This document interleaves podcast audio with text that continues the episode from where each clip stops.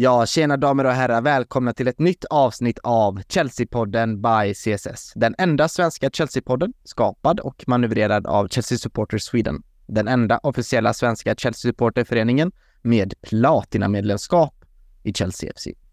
Det är ju häftigt.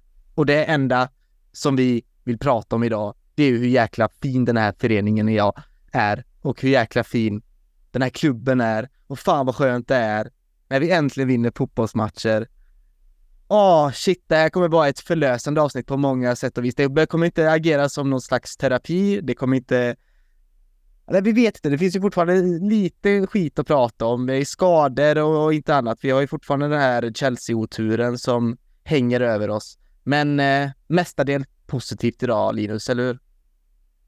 Ja, men så är det ju. Det är ju faktiskt eh, två matcher vi har vunnit på rad här och det ska vi inte ta för givet, för det är inte så ofta det sker, så det passar, man får passa på att njuta när man kan. Så att det, just nu så känns det som att sväva lite på månen, men det är väldigt, väldigt försiktigt, men ändå positivt.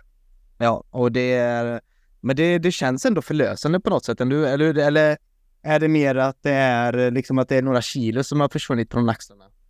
Ja, alltså det känns ju alltid skönt att dänga dit Brighton som tror att de är en större klubb än vad vi är just nu och även att man eh, gör en så, så pass bra första halvlek framförallt mot Fulham som jag tycker lovar för mycket för framtiden och lite vad, hur Chelsea och Pochettino vill spela. För det var en väldigt rolig första halvlek vi gjorde igår kväll.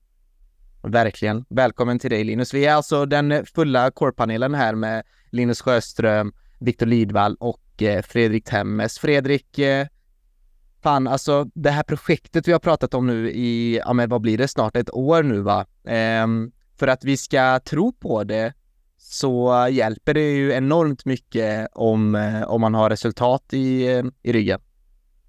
Verkligen, för även om det är ett eh, långsiktigt projekt så måste man ju fortfarande se till att, att vinna kontinuerligt för att man ska behålla tron på det. Och det blir ju ett slags kvitto eh, på att man är på rätt väg. Så eh, även om laget är ungt och lovande så måste vi prestera nu också.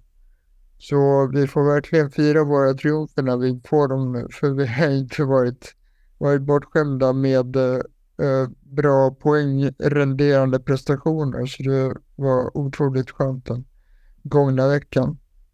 Du Fredrik, eh, alltså Pochettino svarade ju här nyligen på om det var en presskonferens eller om det var en intervju. Jag har bara läst i efterhand, jag såg inte det live liksom i video, men det var någon som frågade honom, någon journalist, hur lång tid kommer det här projektet att ta? Eh, varpå, jag vet inte om han sa det skämtsamt eller inte, men han svarade ganska direkt, två år, eh, sa han. Känns det ändå som en rimlig, ett eh, rimlig tidsram man, man ska ha för det här projektet eh, Chelsea 3.0 eller vad man nu ska kalla det? Ja, eh, det tycker jag väl. Eh, men, men samtidigt som sagt, vi, vi är en, eh, en stor klubb och, och måste prestera någonting under tiden. Eh, men eh, jag tror att vi kommer skörda frukterna inom, inom eh, två år ungefär. Så så i så mått så, så tycker jag att det, det, är rimligt att säga så. Men som sagt, vi, vi, kan inte, vi kan inte ha två säsonger där vi slutar liksom på nedre halvan. Det funkar inte, utan vi, vi måste se till att åtminstone vara och nosa på Champions League-platserna. Ja, men precis. Det är, eh, man ska ändå ha sina krav och det är ju den här balansen hela tiden, Viktor, som vi eh, går runt med med tro på det här nya och samtidigt eh, ändå förvänta sig lite resultat och ha lite krav på laget. Det har vi pratat om flera gånger och Fredrik nämnde ju det här nu med att vi måste ju prestera på ett sätt. Det finns ju en statistik som sticker ut lite här Viktor och det är ju vi är ju faktiskt det enda laget i Premier League som har vunnit alla sina matcher på XG i alla tävlingar sedan säsongen började. Eh, det är ju alltid något.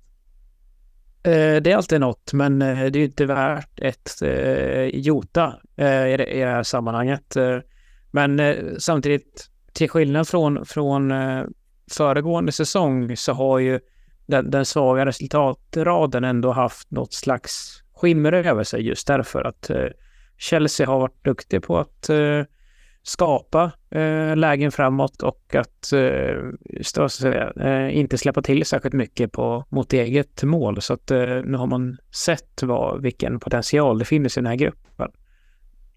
Det är lite Potter, Potterball över det kanske, men eh, ja, det finns någonting där som eh, ja, men känns mer eh, positivt och ja, men eh, luktar framtidsanda eh, än när eh, Potter var där. Det kan vi väl enas om i alla fall. En annan eh, statistik som sticker ut lite, det är ju att Chelsea alltså hade misslyckats med att göra mål på sina senaste 47 målchanser i Premier League innan Mikhailo Modric eh, gjorde mål eh, igår då mot Fulham i den 18 minuten och sen tog det bara 80, 82 sekunder och så gjorde Armando Broja mål.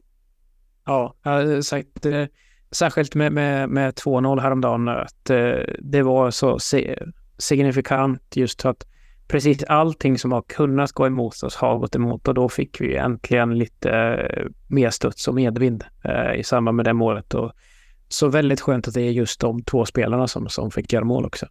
Mm, vi kommer tillbaka till den matchen för vi, jag tänker i detta avsnittet ska vi behandla den här ligacupmatchen eh, vi hade då mot Brighton, vår nya ärkerival som jag har snabbt kastat bort nu då, som inte är längre är en rival, utan de är bara Brighton och vi är ju faktiskt stora, fina, mäktiga Chelsea. Eh, rivaliteten dog ut där i onsdag kändes det som. Eh, och sen ska vi ju prata ner Fulham-matchen då som spelades eh, måndag, alltså kväll, eh, nio på kvällen. Skönt med lite Monday Night fotboll tycker jag när man kan få se Frank Lampard i studion snacka gott om gamla minnen. Eh, det var nice faktiskt att eh, spela på en måndag och inte på en söndag. Känns alltid som det går dåligt på en söndag när Chelsea spelar. I alla fall det senaste året. Eh, vi tänkte ju också faktiskt kanske göra en lånekoll eh, ändå, för vi har ju väldigt många spelare utlånade och det blir jag kände själv att jag behövde nog sortera alla våra utlåningar och lite hur det går för dem och Linus gjorde en, en snabbkoll på dem, men vi tänkte att vi kanske ska göra ett dedikerat avsnitt där vi eh, ja, men går igenom alla våra lånelöften som finns ute i Europa eh, och i England då framförallt där eh, vi, eh, för det är ju landslagsuppehåll snart här nu om två veckor. Eller om en vecka, det är ju match mot Burnley blir ju den sista innan landslagsuppehållet. Så under landslagsuppehållet, mina vänner, då kan ni förvänta er en, en lånekoll här från oss i panelen. Eh, där vi kan snacka lite mer multiklubb också för er som eh, är intresserade, så håll utkik. Så idag blir det bara matchsnack för er som tycker om det. Inte speciellt mycket nyheter annars. Så jag tycker vi drar igång detta med Brighton-matchen.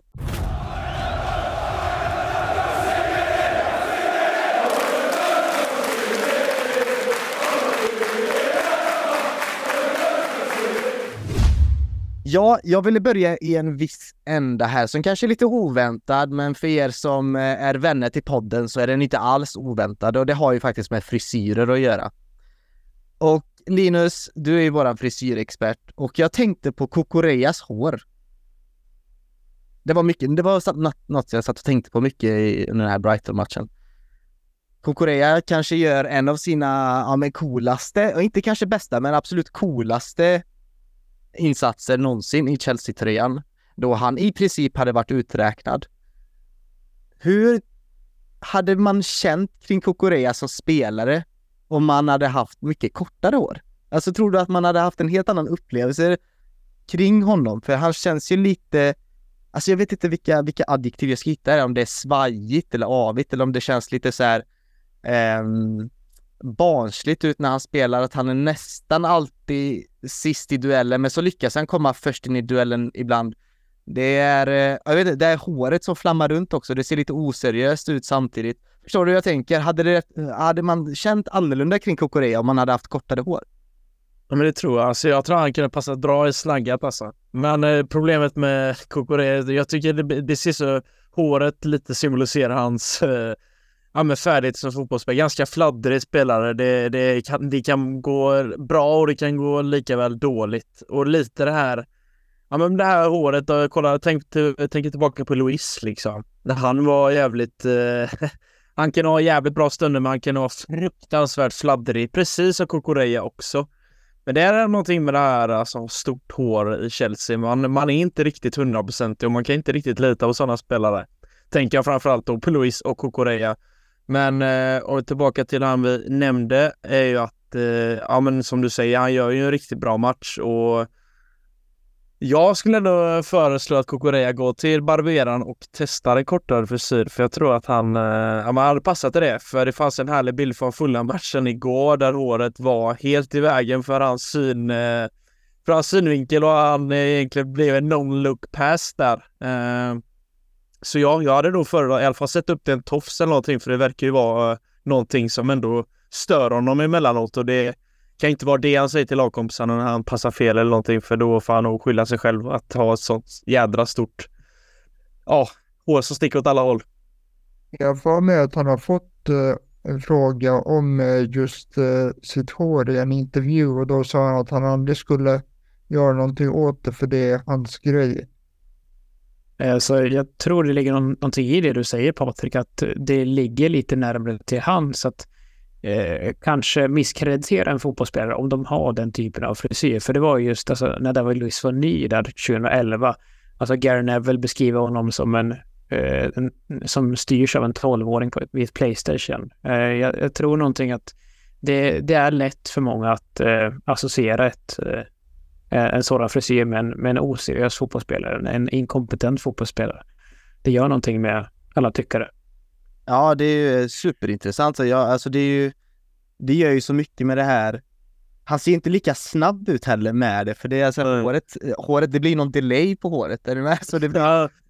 kolla, kolla Gallagher liksom, nu har jag satt upp det. Ja, nu blir det trippelt så mycket bättre nu än när han hade det fåfänghåret innan bakom öronen. Han, skulle, han gick ju alltid och fixade håret hela tiden, men nu sitter det uppsatt. Och då kan jag... Eller så har han, eller så har han alltid varit så här bra. Det är bara att vi ser att han, det, det känns bättre nu. Ja men jag menar, man känns lite mer fokuserad. Kanske jag fokuserar helt på fotbollen och slippa gå runt och tänka på hur fin frisyren är. För nu är det ändå uppsatt. Jag menar, Kokore kanske också ska testa det. För det känns ju som att det flyger framför hans ögon hela tiden. För det studsar ju upp och ner. Jag själv hade tyckt det var jättejobbigt. Men han är så pass van så att han vet ja, hur han ska springa så att det håret inte hamnar i vägen eller någonting. Jag vet inte. Mm. Och för er som inte såg matchen och ja, men kanske till och med för er som såg matchen undrar varför pratar ni om Kokorea så mycket och han så? Jo, för utan tvekan för mig så var han eh, man of the match och det tillsammans med Cole Palmer då i den här eh, Lia Cup-matchen då mot Brighton som spelades på Stamford Bridge eh, på hemmaplan. Skönt att visa hemmafansen att vi kan inte bara göra mål men också vinna fotbollsmatcher. Det var ju att eh, Gusto hade ju den här, det här röda kortet kortet och då, hade jag, då ska han ju vara avstängd i tre matcher. Nu har han ju avverkat två matcher och kommer ju även missa matchen mot Burnley, vilket gör att Gusto är tillbaka efter landslagsuppehållet. Eh, vikarierande högerback trodde vi ju nästan de flesta här att det skulle vara kanske Disasi som tar den rollen va, men eh, det visar sig vara Kokorea Temmes och någonstans det här är ju, det, det, jag ville börja med dig om just Kokorea-diskussionen här för att Eh, vi, vi räknade väl ut honom någon gång i våras att men han, eh, jag vet att även Daniel Joanno då som är ordförande som är ibland med i podden aldrig varit riktigt såld på honom. Jag vet flera supportrar i min omkrets som inte har varit riktigt såld på honom och jag var ju jag trodde ju på honom efter hans eh, insatser i Brighton då under Graham Potter. Men eh, det lyfte liksom aldrig i Chelsea-tröjan och han var ju nära på väg ut då till United här i slutet på fönstret och vi trodde väl alla att eh, honom kommer vi nog aldrig få se igen i, i blått, men eh, ja, två starka insatser nu på rad. Ja, så det var första starten här mot, eh, mot Brighton och, och på en ovan position. Så att eh, det ska han, han ska ha all cred för att han verkligen under, under säsongens, för honom då, första tävlingsmatch, att han går in och, och står för en, en så pass kompetent insats, vilket vi inte varit bortskämda med tidigare. Nej, och så väljer vi att fokusera på eh, just Brighton-matchen då, eh, Temmes. Så eh, just när man kände så här, Marco Correa mot Mitoma. Aj, aj, aj, det här känns läskigt. Det kändes ju som en uppenbar eh, miss, eh, mismatch, men eh, precis som Viktor sa så gör han ju en, en eh, väldigt kompetent insats på en, på en ovan position och han eh, han lyckades ju hänga med eh, Mittoma, eh, vilket eh, inte många gör. Eh, så jag ska ha all cred för, för att eh, eh stå för en sån insats och då, då särskilt efter de här ihärdiga eh, flyttryktena. Ehm, att han skulle prestera så här och i synnerhet eh, som högerback, det, det såg jag inte komma. Men det är intressant att Poch jag tänkte utanför boxen där, för vi, vi trodde nog, eh, som du även nämnde Patrik, att vi skulle se Disasi där, eller möjligtvis eh, Gaicedo, som ju också har spelat högerback i, i Brighton. Men, men nu så har ju Eh, Kukureya stått för två bra insatser så frågan är om, om han inte kommer få fortsatt förtroende under eh, Malagostos frånvaro i alla fall. Mm. Det var ju faktiskt, vi kan ju dra elvan här snabbt för det är, eh, vi, vi har pratat om det här Thiago Silva. Eh, vi har ju haft en diskussion om Thiago Silva i förra avsnittet så vi tänkte väl att han kommer säkert vilas denna matchen, vilket han gjorde. Så elvan var det blev ingen Petrovic från start utan Sanchez fick fortfarande förtroende mellan stolparna. Där vi hade en eh, backlinje komponerad av, eh, en fyrbackslinje komponerad då utav Marco Correa, Disasi, Levi Colwill och Ben Chilwell då. Eh, sen hade vi eh, de två sittande, Ogochukwu och Moises Caicedo. Cole Palmer fick leka tia, Modric fick starta ute på sin kant och Matsen då på högerkanten med Nico Jackson på topp. Och ja, men Linus, äntligen får vi vilja se en vänsterback på vänsterbackspositionen. Ja, jo men precis. Det var ju härligt att få se det. En stund i alla fall. Eh, ja. Det blir ofta inte så långvarigt när eh, man vill ha någonting i Chelsea för då eh, när det väl går bra så ska det ju komma något som sätter käppar i hjulet och det gjorde det återigen. Ja, precis. Men, ja, det... men vi, kan, vi kan väl ta den på en gång. Varför mm. Chilwell? Ja, du kan ju berätta vidare. Ja, eh, det, om jag inte missminner mig så är det ju i andra halvlek där så eh, går ju tyvärr våran kära Chilwell sönder och eh, jag skrev det tidigare i vår messengergrupp under dagen här lite. Har, eh, har Chilwell-tåget gått nu? Men det är lite som i diskussionen vi rörde också liksom James. Men man har ju, jag har ju otroligt mycket större förhoppningar om att James förhoppningsvis någon gång kan hålla längre än vad Chilwell gör. För oftast när de två spelarna är i liksom, ja men börjar komma igång i formen, känns som två spelare som är stabila och verkligen tuggar igång säsongen på riktigt så kommer det alltid en skada i vägen som gör att eh, deras väg tillbaka är, ofta, känns oftast dubbelt så jobbig och sen har de ofta lite svårt att komma igång och Chilwell är ju sån spelare som jag tycker är riktigt bra när han får spela match på match men eh, tar ganska lång tid på sig innan han kommer in i tempo tycker jag efter skador och det är, det är ju tyvärr ganska ofta den där killen åker på de här tråkiga skadorna och det ryktas ju om och verkar som att han blir borta i alla fall minst två månader så det är, ja, det är ett tungt avbräck som vi tyvärr får räkna med nästan ja, varje säsong gällande honom. Han blir borta en, en längre tid. Ja, det är lite tråkigt. Visst, mm. ja, det är Telegraph som, som skriver åtminstone två månader och att det, det är ju samma lår som han hade problem med eh, förra säsongen också.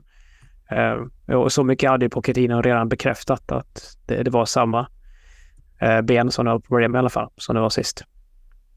Mm.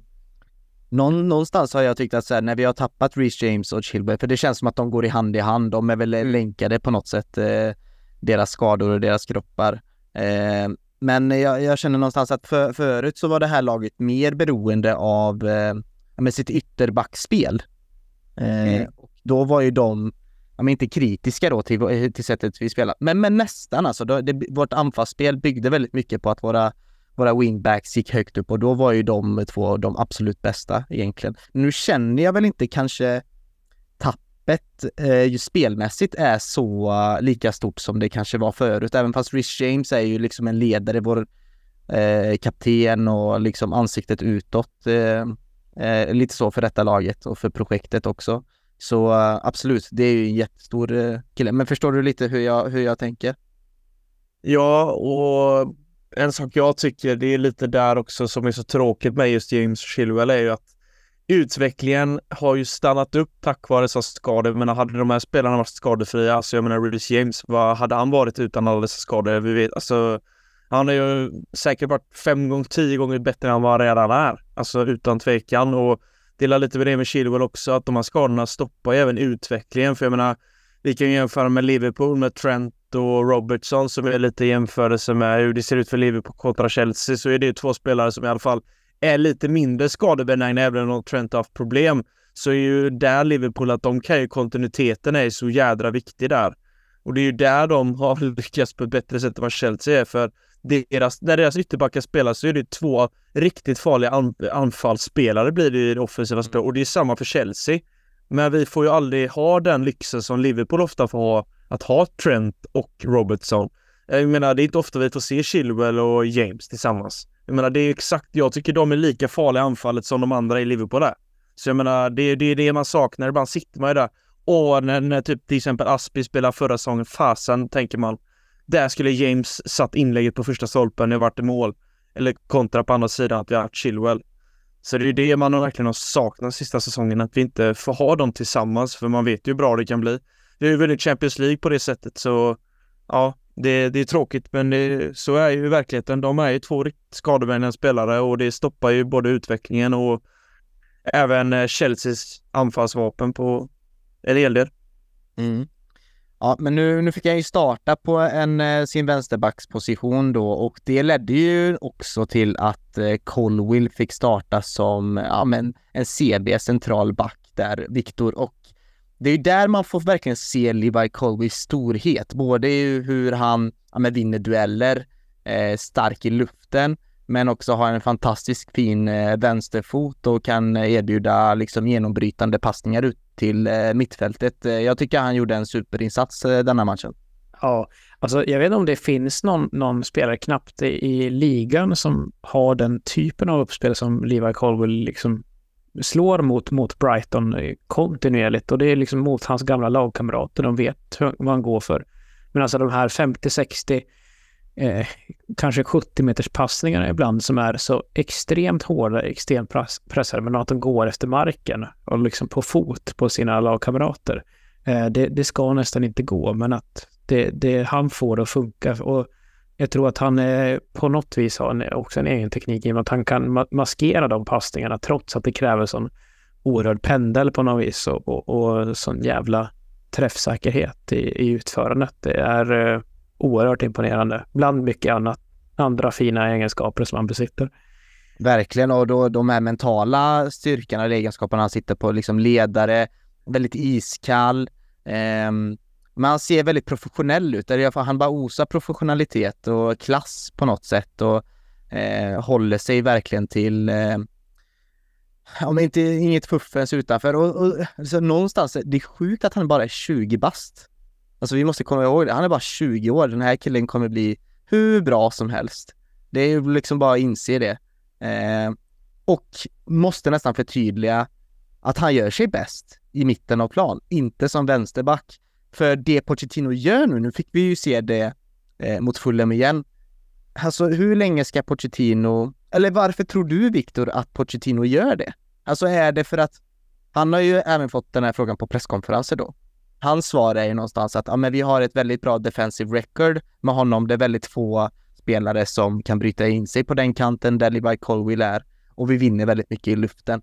Det tycker jag är bra, absolut, det är bra argument, men får man ut det mesta av Levi Colwill där, har han en plan med Levi Colwill att ja, men jag ser någonting som inte ni ser, eller är det bara en nödlösning eftersom vi inte har en bra Eh, alltså att vi inte har ett bra alternativ där på den positionen när om Chilwell har sina känningar.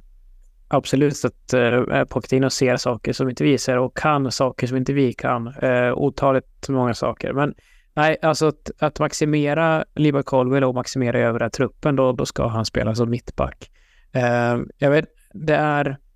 Så jag tror det handlar dels om förtroendet han har för övriga kandidater, det vill säga Kukureya och Matsen nu när, när Chilwell är trasig.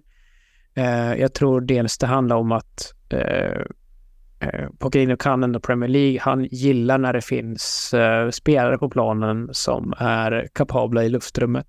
Eh, och vi har ju blivit med ett kortare innermittfält eh, nu än vad jag haft eh, tidigare. Eh, och kort, kortare ytterbackar också för den delen. Alltså han hade han, vilka hade han? Moussa Dembélé och, och eh, Wanyama liksom, som sina destroyers eh, på, i, i Tottenham. Så att det, det är också spelare som kan ta för sig i luftrummet. Så att det, jag tror det är mångfacetterat det beslutet att eh, så här prompt eh, spela Colville till som vänsterback så fort eh, det ges möjlighet. Jag tror också att eh, det handlar om just eh, längd.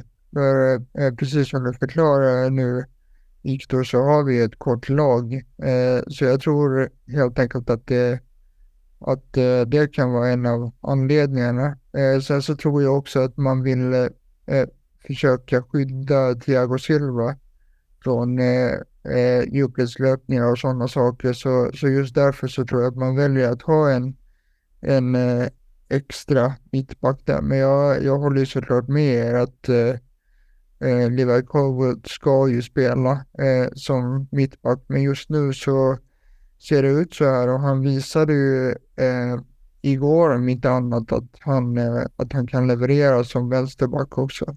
Men det, det är ju talande för hans kvalitet att han, att han kan stå för så högkalibriga insatser i en ovan position. Men jag, jag hoppas ju att, att eh, eh Pochettino eh, kommer till sans och Eh, och att vi får se Levi Colwell där han ska spela. Men jag, jag tror som sagt att det handlar om längden vid fasta situationer och eh, att man väljer att skydda Thiago Silva. Vi ska väl inte fastna vid, vid Brighton-matchen allt för länge, men något, något som vi inte får glömma är eh, hur otroligt märkligt det är att eh, Robert Sanchez inte straffas för sitt passspel som han står för där. Det är eh, två otroliga tabbar som han står för och ett allmänt svajigt eh, passningsspel däremellan. Eh, vi, vi ska skatta oss lyckliga att, att inte Brighton eh, gör någonting av de, de gratischanserna. Nej men verkligen, alltså det, jag tror det var du som skrev det i våran, eh, i våran grupp Fredrik, att det kändes aldrig liksom helt farligt egentligen utav Brighton, men det, det, det var ju då det kändes jobbigt. Det var ju när Sanchez skulle passa ut och distribuera bollen. Ja, det var ju otroliga misstag han stod för och jag, jag tycker att det var märkligt att, eh, att Petrovic inte fick sin debut här. För om, om han inte ska spela i ligacupen, när, när ska han då spela? Eh, men eh, ja, Sanchez var verkligen inte bra eh, med fötterna i den här matchen och vi, vi hade ju ren tur att det inte blev någonting av det. Men när vi väl sätter 1-0 så efter det så konstigt nog så kände jag mig aldrig orolig och det är en känsla som man inte haft på väldigt länge. Och mm. Något som är eh, otroligt i den eh, Sanchez-konversationen är att, eh, ja nu är det efter fulla matchen visserligen, men att han har bäst passningsprocent av alla målvakter i ligan med, med fem eh, procentpunkter bättre än närmaste konkurrent eh, enligt WhoScore och att eh, han i med tre hållna nollor eh, som ISPN lyfter fram så har han hållit flest nollor av alla målvakter i ligan. Det, det, är inte den säsongstarten, den bilden jag får av honom. Verkligen inte. Nej, och jag kan bara fylla i och det, det är ju, jag gillar ju Sanchez, men äh, det är en jädrigt eh, äh, ja, men vågad målvakt. Jag menar, jag tror jag räknat till sex eller sju bollar som slås ut på långsidan. Där han vill få ut det till ytterspelarna, men äh, slår dem helt ofokuserat och kanske, men ganska nonchalant. Men det som gör på något sätt att han ändå räddar upp, alltså det är både Brighton och även till det fulla matchen sen, är att han Ja, man står ju för någon fin räddning här och där och plockar ju ner hörnerna på ett sätt som vi inte fått sett sen, ja men Peter Käck, ja men Courtois-tiden egentligen för Kepa, det, då, han kunde ju aldrig ta ner en boll, det var ju att boxa med en, ja, men lite halvsäker näve som ofta gick till motståndaren, eller så boxade han, ja boxade han huvudet på en motspelare, sin egna spelare, alltså det, det är ju det här vi har saknat, den här, ja men beslutsamheten i luftrummet. Och där är han ju riktigt bra, tycker jag. Han plockar ner bollarna utan några problem och är det en spelare i vägen, han flyger över dem. Och, så att på det sättet så han kompenserar ju för min del, om jag ska tala utifrån vad jag tycker, så han, han gör mycket fel men ändå så gör han eh, saker som räddar upp hans dag och ändå på något sätt så löser han ju den där nollan tack, tack vare lite fina finesser men även ja, en hel del tur också. För Jao Pedro skulle gjort mål på ena läget där han ja, chippa den och också lite konstigt avslut att han eh, fick den över. Men ja, Sanchez får med sig flytet trots allt.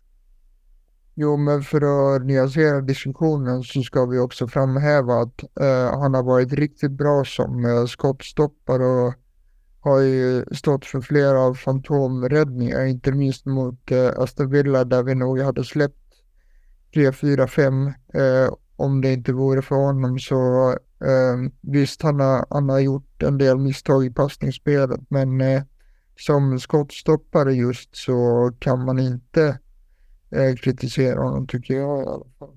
Nej, och bara fylla i där som Tevez var inne på. Och, eh, SB är en målvakt jag tycker han är lite liknande i de här reflexräddningarna. Det är ju de Gea när han är som bäst i de här snabba reflexerna, komma ut och rädda bollen ja, men på ett sätt som man bara, usch, hur hann han ner där egentligen? För eh, där är han ju kvick och även, ja, men bara kommer emellan med kroppen. Alltså det behöver inte vara mer avancerat än så. Och, jag menar mot Bournemouth där gör han ju en monsterräddning också som jag tycker är helt fantastisk i andra liksom. Där blev han ju också poängräddare i så sätt. Eh. Så det, det är en målvakt som jag tror på sikt, om man får ordning på passningsfoten lite mer och kanske inte drar de här långpassningarna varje gång, håller dem lite enklare så tror jag att det kan bli ja, men, eh, riktigt bra faktiskt. Det, det är målvakt jag ja, men, jag tror och hoppas på och uh, prislappen var inte allt för dyr så det känns ju skönt också. Vi är också på delad andra plats också i Premier League på eh, minst insläppta mål då på sex insläppta. Det är bara City som har eh, bättre försvarsstatistik där på fem insläppta. Sen är det Arsenal också som också har sex insläppta. Så om det talar till Sanchez fördel eller om det är vårt försvar som eh, ser bra ut, eh, det blir svårt att säga. Men det finns säkert statistik som pekar på det ena och det andra. Men så var det även förra året och då var det att vi släppte in väldigt få mål. Men det var ju där framme det, mm, det var knackigt. Men det, alltså jag vet inte riktigt om jag är så, alltså är det så att vi Chelsea-fans har blivit liksom trötta på att klaga på våra spelare, att vi någonstans bara accepterar så här att ja, men Sanchez är vår målback nu. Ja, ja, men alltså innerst inne vi, är det inte så att vi alla vet någonstans att han är inte den världsmålvakten som vi som vi behöver? Eller är det bara jag som känner så kanske? Jag vet inte om det är så att vi har väldigt låga förväntningar eller så är vi bara väldigt tacksamma att det inte är Kepa som står där. Det kan vara så ja. ja, ja det ligger väl någonting i det. Eh, men samtidigt, det, det som är rockader som har gjorts med övriga, övriga spelarmaterialet, att eh, nu, nu har ju ledningen och, och Pochettino till viss del gjort sina val, så då får man väl eh, någonstans backa dem och se hur det faller ut. Mm. Bra, men någon som utmärkte sig eh, väldigt positivt i denna matchen är ju ändå Cole Palmer. Jag tänker att han tillsammans med Nico Jackson får vara de personerna som stänger denna matchen. Vi har inte pratat om detaljer i, i matchen så mycket, men jag tycker att det blir roligare att prata Fulham då den är mer färskt i minnet. Eh, men Cole Palmer, eh, Viktor, han är, introducerar sig ändå som en men är han liksom tian vi har suktat efter lite? Är liksom en, liksom en kreativ eh, eh, ett kreativt geni där som är både tekniskt men också kan eh, hitta assisten effortlessly. Ja, alltså det är oavsett om man utgår från höger som han har gjort nu eller om han eh, tar hålet bakom Jackson eller Broja eller vem som nu kommer, kommer spela där så har han en förmåga att, att dyrka upp försvaren. Alltså det är en bollkontroll i pressande lägen som är eh, riktigt, riktigt eh, fin att se. Eh, han har förmågan att slå den sista avgörande passningen och lite grann som Levi Colwell fast med en helt annan teknik så lyckas han ändå maskera de passningarna. De ser så självklara ut när de väl når fram på foten på lagkompisarna men det är så här att man tror inte att han ska lyckas med dem i de lägen han faktiskt eh, bränner av dem. Sen ska han ju faktiskt ha en assist till med största ja. sannolikhet att precis efter 1-0 så så skarvar han ju fram bollen till, till Jackson igen, men eh, det fanns ju inget VAR som kunde kolla på den eh, det offside-beslutet. Nej, precis, ja. vilket jag inte tror var offside. Eh, tror inte och, och, Nej, och det är domaren, fan, det var, var det inte den, den situationen eh, Broja var offside fast han inte ens hade sprungit över mittlinjen än? Han var på egen kanal va? Ja, ja do, domarkåren i England har inte haft en bra vecka, så det har de eh, verkligen inte haft. Eller har de ens haft ett bra år? Det tror jag inte heller. Det blir bara värre och värre för varje omgång känns det som i engelsk fotboll eh, på högsta nivå. Men eh, Cole Palmer, eh, Fredrik, vi är imponerade. Verkligen. Han eh, syr ihop spelet på ett, eh, på ett väldigt övertygande sätt och visar ju att han ska vara vår tia i en konkursfrånvaro. Eh, frånvaro. Eh, jag tror att vi kommer, eh, kommer förlita oss väldigt mycket på honom och hans kreativitet. För i de två senaste matcherna här som vi diskuterar så har han ju varit ut, utslagsgivande och, och riktigt viktig. Oavsett om han spelar som tia som han gjorde i den här matchen eller utgår från högerkanten som han gjorde mot eh, Fulham så tror jag att han kommer att bli väldigt viktig. Så kan vi ha, eh, kan vi ha Enzo som en, en djupare spelfördelare men låta, eh, låta Cole Palmer stå för eh, den där sista passningen då. Visst eh, har det känts, Linus, att de senaste, alltså många spelare vi har haft i laget, eh, alltså även då under Torshäll-eran och strax innan, många spelare har ju känts väldigt förutsägbara. Liksom, man vet ungefär vart de kommer lägga passningen, man vet ungefär hur de kommer spela här, man vet ungefär eh, vad de är bra på och inte. Är de? Alltså väldigt förutsägbara i sitt spel och i sina passningsmönster och även löpningsmönster. Men nu kanske inte är för att jag har sett tillräckligt mycket av Cole Palmer, men han känns ju verkligen som att han eh, ja, men kan göra ett genidrag utan att man ens, eh, som är väldigt oväntat. Jo, och jag tycker han lite med det här med Havertz, att han är lite det man väntar med med Havertz. Alltså när Havertz kom från Bayern Leverkusen så tänkte jag att ja, han kan ju vara lätt den som spelar bakom anfallarna, lite som Palmer, men jag tycker att Palmer har lite mer ja, med tydliga riktlinjer hur han vill spela och hitta de här fina passningarna som Ja men lite, alltså jag suktar tillbaka lite på Juan Mata senaste där. Jag, han hittar jävligt fina passningar med sin vänsterdoja. Och det är nästan den senaste vänsterfoten jag kan minnas i Chelsea som verkligen har den här slutfinishen. För den saknade vi förra året. För den kunde ju denna sista passningen kunde ju verk, eh, varken eh, Enzo, Gallagher eller någon annan på det mittfältet slå. Och det var det vi bara längtade efter, att få en spelare som kan luckra upp med sin passningsfot. Och det tycker jag Maxang gör eh, en hel del och ser Ja, men ser även ytor som de andra medspelarna inte riktigt ser, så vissa passningar kanske ser slarviga ut, men han har helt rätt tanke och letar helt rätt ytor, så får han spela upp sig med de här lagkompisarna så kommer han hitta in eh, de här passningarna i sömnen till slut tror jag. Ja, alltså hans kemi med Gallagher igår mot Fulham var ju fantastisk mm. att skåda. Men han hittar ju fram till slut. Eh, det, är nog bra för Cole Palmer att han får mycket minuter också att spela och att han mer eller mindre nu, vilket det verkar som, har snott eh, Raheem Sterlings plats där också. Men eh, han hittar ju fram till Nico Jackson som, ja, men ska vi säga att han hade en tuff första halvlek. Det var ju, han såg ju väldigt oskarp ut. Det var ju Championship-nivå alltså på, i många lägen. Men till slut ja, han fick sitt mål. Ja, alltså det, det var mycket till, till en början som du säger Patrik, alltså det vi sett här på, på slutet från honom. Han, alltså han är så eh, alldeles för bollkär, eh, ska göra allting själv fast han har lägen att, att sätta sina lagkamrater i, i fina eh, positioner. Så att, eh, och, eh, som vanligt, alltså många bollkontakter och att han, han gör sig spelbar och hittar bra ytor. Men eh, fram till målet så var det inte så mycket att hurra för egentligen. Eh, men han, han blir ju matchvinnare trots allt, så att eh, det, det, är en skön känsla. Ja, anmärkningsvärd, eh, anmärkningsvärd statistik från denna matchen är väl att vi inte hade mest bollinnehav utan kanske inte är så chockerande att eh, mini-Barcelona-Brighton eh, hade 61 procent medan Chelsea hade då 39 procent. Och det var ändå så kändes det ganska lugnt faktiskt. Och eh, ja men det var skönt att ge dem en en läxa och eh, få De Serbia att sätta sig ner lite. Eh, speciellt efter det Åslunds eh, avsnittet så höjdes ju Brighton och De Serbia till skyarna maximalt. Så det var skönt att visa att eh, man kommer inte bara till Stamford Bridge eh, hur som helst och tror att man är störst, bäst och vackrast. Eh, utan eh, ibland visar vi faktiskt var skåpet ska stå. Ehm, ja, jag tycker vi eh, hoppar vidare till del två där vi ska prata ner derbyt i västra London.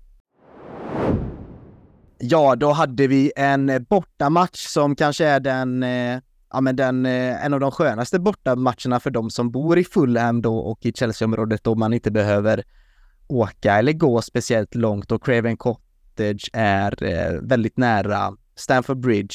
Eh, vår lilla lillebror Fulham ja, gästade oss i en eh, match som var, ja, alltså på förhand så var den ju det var lite svårt att prata om förutsättningen för den här matchen. Vi visste inte riktigt vad vi hade Fulham. Vi visste inte riktigt vart vi hade oss. Vi hade visst en positiv känsla inför um, inför denna matchen just efter den här eh, uh, ligacupsmatchen. Men in, när vi spelade in förra veckan så kändes det ju som att ja, men det här kan ju sluta lite hur som helst. Um, Ja, men det som var positivt någonstans, det var ju att se att Armando Broja får starta, men vi hade inget val då Nico Jackson då fick stå utanför eh, med sina fem gula kort och var avstängd denna matchen. Så fick vi se Armando Broja från start. Eh, och Sterling har nu, är det bekräftat nu då Linus, att han har liksom tappat sin plats till eh, mannen som vi nyss eh, pratade om, Cole Palmer? Ja, han skulle ju varit lite sjuk under veckan också, Sterling, så det var ju lite osäkert spel, men eh, jag ser ju gärna hellre att vi spelar med Palmer än Sterling. Alltså mycket på grund av just den här som vi varit inne på, tekniken och spelsinnet han visar upp och den fina vänsterfoten. Alltså det är så många gånger i den här matchen som han hittar fram så fina passningar där vi kan vända spelet på ett sätt som inte jag sett tidigare, alltså på flera år och det Nej, det har vi verkligen saknat och när han vänder spelar, men då har vi ytor där Gallagher kan operera ordentligt. Enzo kan ta med sig bollen. Alltså mycket var ju för att han vände spelet på ett, ja, det ser väldigt enkelt ut, men det är ju skickliga spelare som gör att saker och ting ser enkelt ut med bollen. Så jag tror att med Palmer från start så är Chelsea ett bättre lag än med Sterling faktiskt. just nu i alla fall, för Sterling kan bidra mycket med sin fart och speed, men ja, passningsfoten har han inte jämfört med Palmer. Nej, och en viss eh, spelintelligens som, eh, som är väldigt fin. Vad har du eh, för generella tankar kring matchen annars? Uh, men jag tycker som sagt första halvlek är en av de bästa jag har sett på ja, bra länge faktiskt. Jag tycker vi kommer ut med uh, skön frenesi, men vi börjar matchen lite skakigt som vi har gjort de flesta. Alltså man ser självförtroendet är inte riktigt där. Mydrik springer ut med bollen på ett uh, jättekonstigt sätt när en feltouch och det är lite så här avslut. Broja drar den över målet eh, trots offside. Men eh, sen när vi gör 1-0 där, det är ett fantastiskt mål och första halvlek tycker jag vi, ja men vi står upp riktigt bra. Andra blir det mer lite jämnt och lite byten som jag tycker lite förstör matchen, eh, rytmen i spelet. Men eh, en eh, skön seger, återigen en nolla. Och eh, ja, nej men det känns skönt. På det här sättet har man inte fått sett en seger länge att det, ja men fan jag var ganska, men nog ganska lugn under matchen. Innan har det ju varit att motståndaren petar in 1-2 när det är 10 minuter kvar och så sitter man där och darrar och ja, är lite osäker. Men jag tycker det, det kändes faktiskt ganska stabilt tack vare hur, hur fina vi var i första halvlek. Det var ju faktiskt nära reducering där för Fulham i, i andra, alltså det hade varit jobbiga kanske återstående 25 minuter eller 20 minuter eller vad det var då i matchen. Men elvan var följande. Sanchez återigen mellan stolparna, Kukureya, Disasi, Thiago Silva, Levi Colwill var backlinjen. Och så var det, det var mer än 4-3-3 denna gången då, där Conor Gallagher opererade mer centralt denna gången. Eh, kapten Gallagher då, som vi kommer verkligen komma tillbaka till när vi ska prata ner denna matchen. Eh, tillsammans då med eh, Eh, Moises Caicedo och Enzo Fernandes. Alltså otroligt vilken fin eh, video man fick se då när Modric gjorde målet och de firade tillsammans Caicedo och Enzo Fernandes. Eh, riktig, riktig bromance var det mellan dem och de såg eh, kul att se den lyckan när de kramar varandra. Eh, och så Modric då tillsammans med Broja och Cole Palmer blir vårt anfall. Där Broja blir väl den ensamma nian. Och eh, ja, vilken ände ska man börja här? Ska man Ska vi bara riva av eh, elefanten i rummet, plåstret, eh, Temmes och säga alltså kapten Gallagher, vad är det för match han gör egentligen? Jag har ju varit eh, väldigt eh, kritisk mot eh, Gallagher, men eh, nu får jag krypa till korset och säga att han var ju helt eh, fenomenal igår i, i allt han gjorde egentligen. Jag tycker att han visade upp kvaliteter som man inte riktigt sett tidigare. Att han, eh, han eh, flyttade bollen snabbare och eh, stod för en del tekniska nummer och sådär. Så det, det, det var ju en helt annan Gallagher än den som man eh, har blivit van att se i Chelsea. Men eh, igår så var han helt fenomenal och om han ska fortsätta spela så här så Eh, så eh, meriterar han absolut en, en plats i startelvan. och eh, får, får mig att, att eh, be om ursäkt för, för eh, det jag sagt.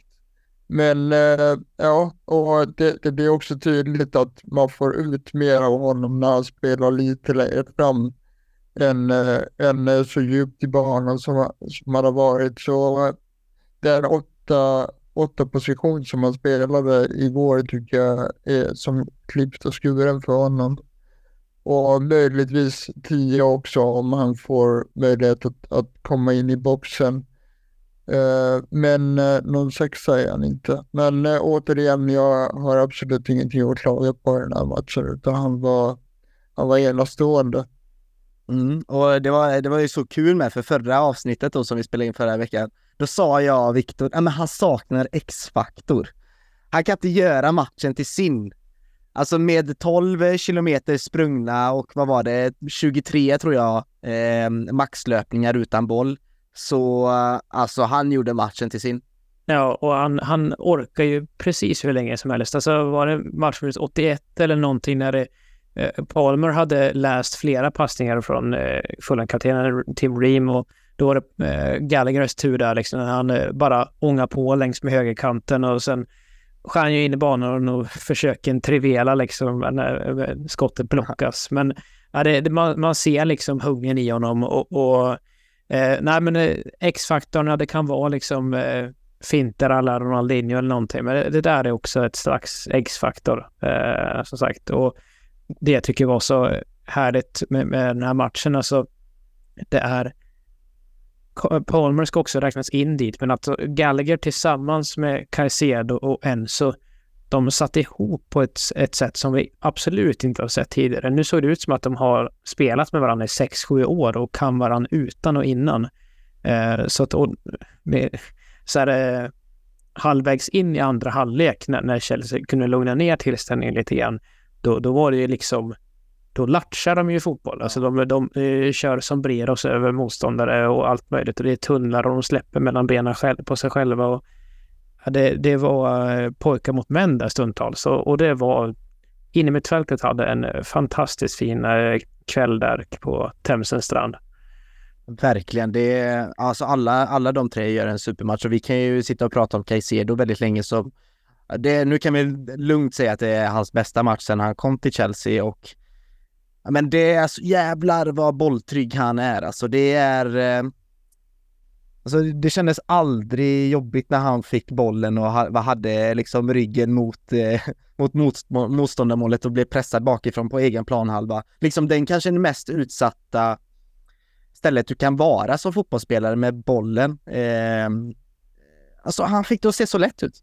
Ja, Ja, men, eh, det, det har ju varit ett par tillfällen när han har blivit avväpnad i just sådana sårbara positioner. Men nu visste han ju precis när han bara skulle släppa på ett till, till rättsvänd försvarare.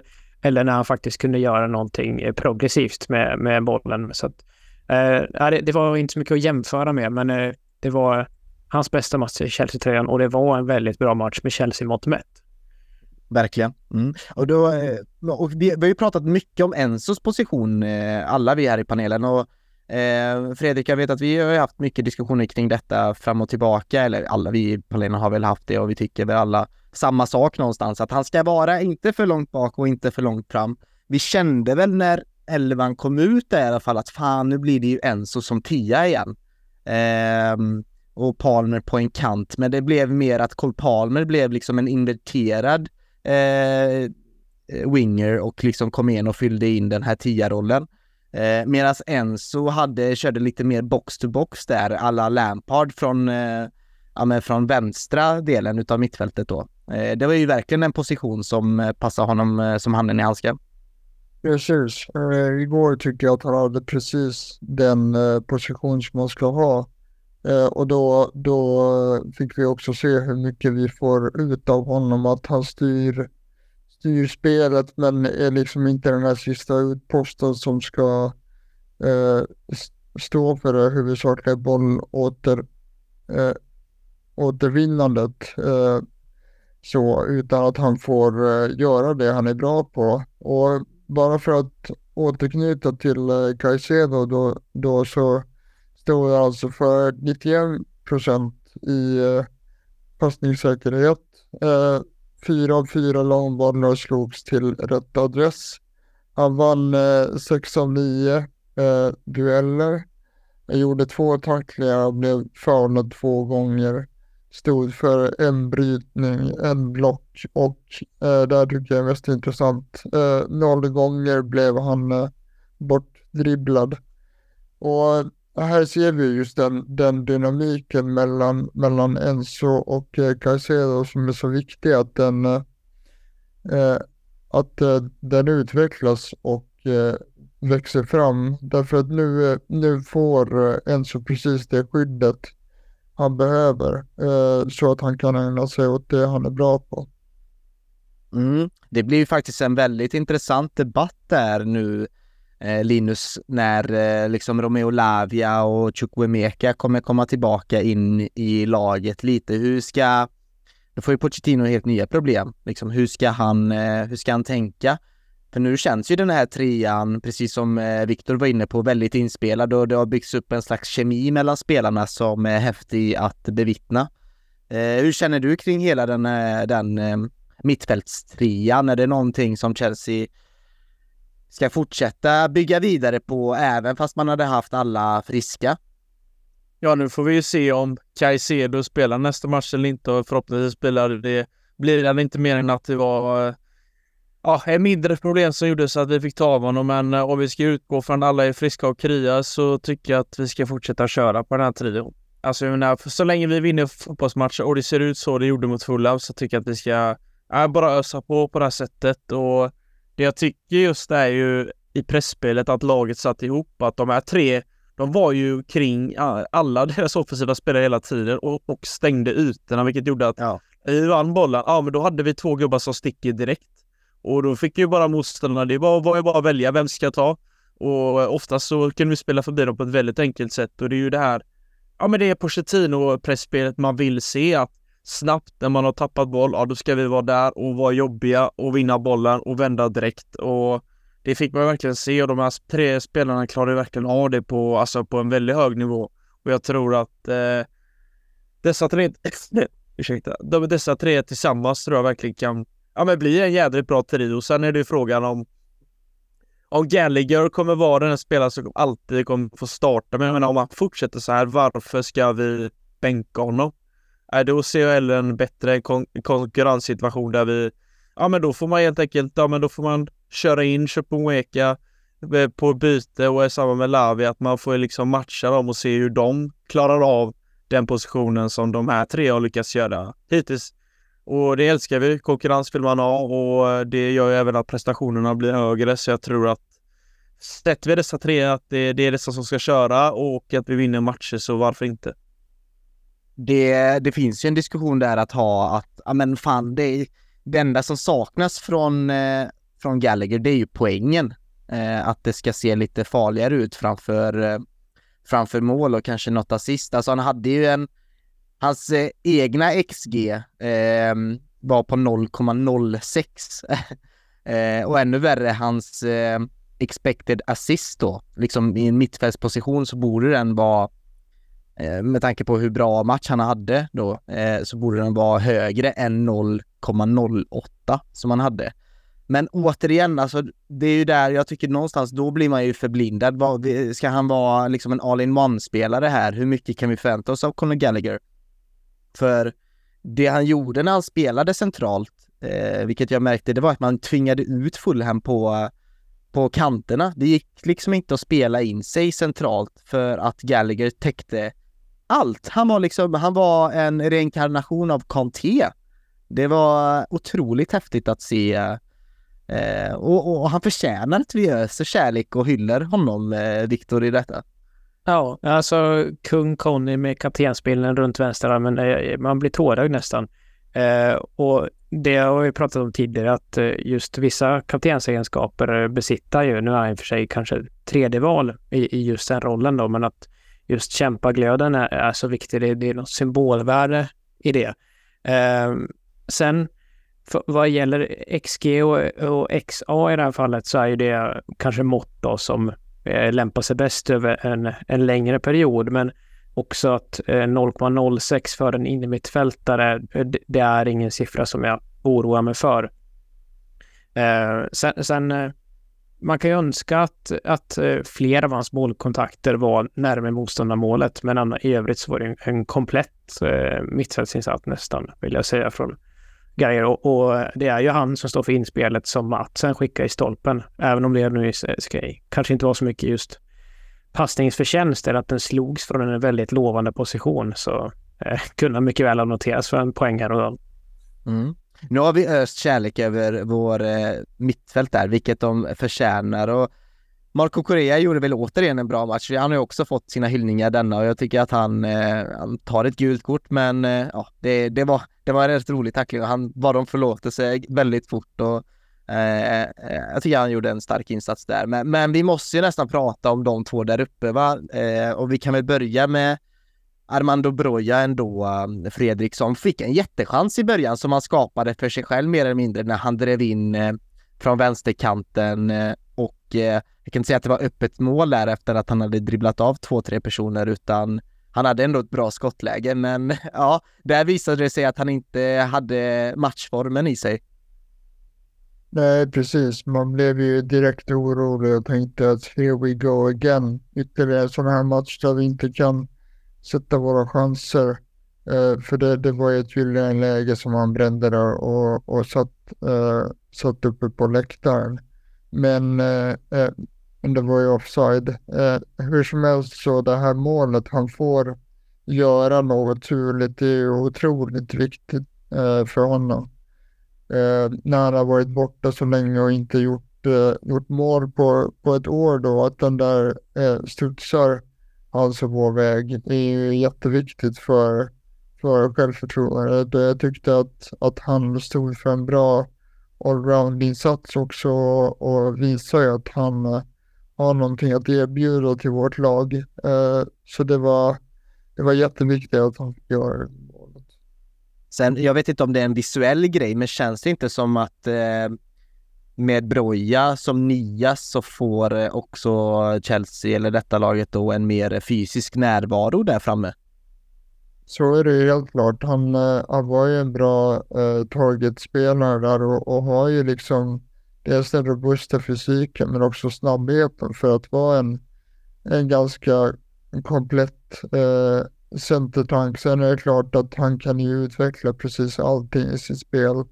Men eh, det finns ju ett, ett bra råämne där helt klart och eh, jag hoppas att, att vi får se honom i, i, eh, eh, i en tid utan skador så att man får ut eh, max av hans potential för den potentialen är väldigt hög tror jag. Eh, så länge han, han spelas och eh, kan undvika allvarliga skador. Ja, Linus, jag... det, finns det goda förutsättningar för att han ska få mycket speltid eftersom eh, vi bara har honom och eh, Jackson som, som eh, realistiska alternativ. Visst, vi har, vi har David Washington på bänken också, men jag tror att han mest är en utfyllnadsspelare. Annars så tror jag att han hade fått spela igår. Mm, och kanske Osimhen då i januari. Eh, får vi se. Men... Eh, eller Ivan Tony. Ja, men det, det, det skeppet, alltså jag är ingen Ivan Tony, eh, jag håller inte hans flagga lika högt längre. Jag vet inte om det har med den här skandalen att göra eller bara att jag inte har sett honom spela fotboll på länge som har gjort att man, han hamnar lite i periferin. Men Linus, jag vill vända mig till dig, eh, för du är väldigt bra på att jämförelser och liknelser och sånt där och just med hans fysiska närvaro, men också hans, eh, han är otroligt snabb med, alltså för att vara ganska stor och kraftig och eh, Eh, ganska teknisk också. Vad, nu ser inte jag att Armando Broja är kanske lösningen på alla våra anfallsproblem och målproblem, men eh, jag kände ganska direkt efter att ha sett eh, Nicholas Jackson i fem matcher i rad att eh, Armando Broja tillför något helt annat som vi, vi saknar. Ja, alltså just som vi tryckt på, den här fysiken är ju Ja, men han har ju kontroll på sin kropp mer än vad Jackson har tycker jag. Alltså Jackson är ju lite mer fladdrig och lever på den här frenesin, men jag tycker Ja, men Broja, det är något mer lugn över honom. Alltså han är ganska säker i sig själv, vad hans kvalitet och vad de står för. Det känns som att han, han, han gör inte mer än vad han eh, behöver göra egentligen. Alltså han behöver inte göra de här extra löpningarna. Han, han tänker liksom smart och jag tycker att han gör ganska många beslut rätt i den här matchen. Ja, förutom det där avslutet i första halvlek där jag tänkte som Temme sa blir det återigen en match där vi ska bränna lägen men han fick ju som sagt göra mål och jag tror att, eh, att det ger honom en otrolig boost att få, även om det var ett jävligt gött och turligt mål så är det ju ett mål på kontot och det är ju det han behöver och när han var i SA-15 tyckte jag att han såg jädrigt intressant ut och ja men den här rivigheten har ju också han som Jackson har men jag tycker att han har en fysik som eh, ja men den, den, eh, det är svårt att rubba honom. Alltså det, det är en Premier League-anfallare i mina ögon och eh, om vi ska kolla på vad det finns för mittbacks ja, försvar i Premier League så kan han nog eh, ja, men trycka ifrån och hålla borta de flesta faktiskt. Alltså jag ser att han kan ju gå upp i dueller med Van Dijk och eh, de andra större jättarna i Premier League så det, där har vi ju ett vapen som vi kommer kunna utnyttja framöver tror jag.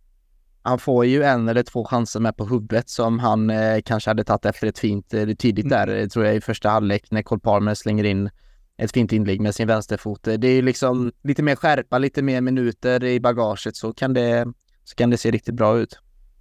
Ja, absolut. Och jag tror att eh, det är lite som vi säger att ja, men Mydrik, ge han speltid kommer han växa med uppgiften och det är ju samma givetvis med Broja. Så det är en spelare som haft långtidsskadad och eh, har verkligen kämpat sig tillbaka på ett sätt som är Ja men det, det känns roligt och han känns ju jädrigt motiverad till att fortsätta här nu och det var kul att se han efter matchen också gå fram till fansen och tacka av dem och mm. ja, och även få göra det och vinna liksom. Eh, så det, nej, det är kul och vi hoppas att han får hålla sig skadefri för det är inte, det är inte så många i det här laget som får göra det tyvärr.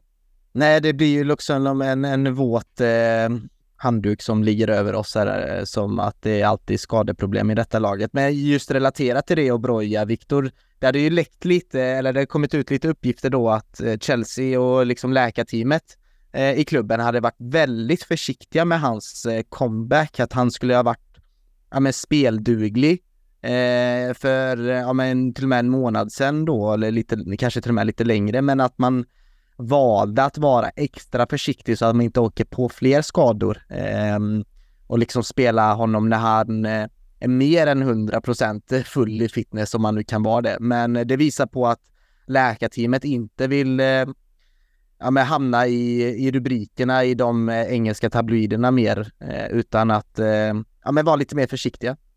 Ja, alltså om det handlar om, om just eh, Brojas eh, case eller om det handlar om en, en medvetenhet och, och, och liksom PR-anledningar, det är svårt att säga. Men ja, det, det, var ju en medveten strategi från, från läkarteamet och från Pochettinos stab att han har ju inte gjort några minuter med u laget som också är en, brukar vara, liksom användas när man ska få tillbaka spelare till, till fullt Eh, matchtempo i, i kroppen igen, utan det, det, har varit eh, ett par inhopp här nu då som ledde fram till Fulham och sen eh, kanske då tack vare eh, Sterlings feber, flunsa eh, och, och Jacksons avstängning var också bidragande orsaker till att han faktiskt startade. Men, eh, ja, men det, det, känns skönt att man, man skyndar långsamt. Det, det finns ingen anledning att riskera att man slår upp en, en så hemsk skada som, som ett eh, Eh, eh, brutet korsband.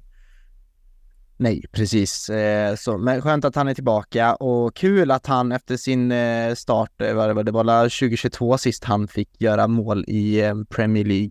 Så välkommen tillbaka till Premier League, Armando Broja, och kul att se dig i målregistret. Men på tal om skador då, man blir lite orolig där för jag trodde, jag var helt övertygad om att det var hans nummer som stod på skylten där. Men med mina spädbarnspappa-ögon så ser man ju väldigt dåligt nu för tiden. Eh, och jag blev tillrättavisad och sa nej, det är inte Broja som har blivit utbytt eh, efter eh, halvlek utan det är Mihailo Modric och då tänker jag åh nej, är det någon skada igen? Vad fan? För eh, Modric, Fredrik, eh, han hade en riktigt bra första halvlek. Eh, ska vi börja med, eh, ska vi prata om målet direkt? Ja, det är ett uh, otroligt läckert mål och uh, på tal om viktiga mål så var det här otroligt viktigt för honom också. Att han uh, äntligen får uh, poäng in på kontot och man, jag tycker att man ser hans kvalitet i just det här eh, målet också. Och eh, ja, nej, men det, det, det var verkligen viktigt för honom att, att, få, att få göra det här och det, det är fint att se lagsammanhållningen också där, där alla är framme och firar med honom. Eh, så det, det, det gjorde han riktigt bra. Och det har varit mycket snack kring Modric eh, den här veckan känns det som. Det har varit liksom Pochettino har blivit frågad mycket om Modric och det har varit snack om att eh, spelarna ska vara, inte chockade, men väldigt så här, wow, vi har aldrig sett en spelare jobba så här hårt liksom på träningarna. Eh, inte att han övertränade, men det kanske han gör, vem vet, men att de ser en, eh, en tydlig profil här nu då för klubben och många lyfter upp honom. Även Colville sa ju det efter matchen att han kan bli en av de absolut bästa i världen om han fortsätter som han gör. För de, de ser ju någonting som inte vi ser. De ser ju honom på träningen varje dag och de ser hur mycket tid han lägger på, um, på att bli en bättre fotbollsspelare. Och vill, visst märks det av Linus när, när Modric spelar att fan vad mycket vilja det finns. Alltså det finns otroligt mycket vilja, nästan en övertändhet mm. av att lyckas och eh, bli superstjärna direkt. Ja men de tendenserna som uppkommer är ju, man blir ju kär i dem. De här när han petar och sticker, man tänker oj oj oj nu är han förbi backarna och Ja det är, det är ju lite, ja men det är 50-50 om det brukar gå. Men han, jag menar han vill ju verkligen, det ser man ju. Att han eh, vill utmana, alltså det är ju det det är det, den produkten vi vill ha sen när Mudrik är färdig och vuxit till sig och verkligen kommit in i Chelsea är ju att, att han egentligen varje gång han har bollen så ska han kunna utmana motståndaren och ta sig förbi och det ser man ju att det kommer han kunna göra när han får ordning på sin teknik lite mer och ja, men lite mer trygg i miljön och känner sina medspelare ännu mer. För eh, alltså talang har han, det ser vi alla. Alltså det är en kvickspelare med ja, med snabba fötter, teknisk och eh, måste bara få ordning lite på touchen. Och eh, även ja, men alltså på träningarna ser det ut som att han har ett jädrigt fint skott, men eh, när han väl får lägen på matcherna så är det ju väldigt eh, blandad kvalitet på de här avsluten.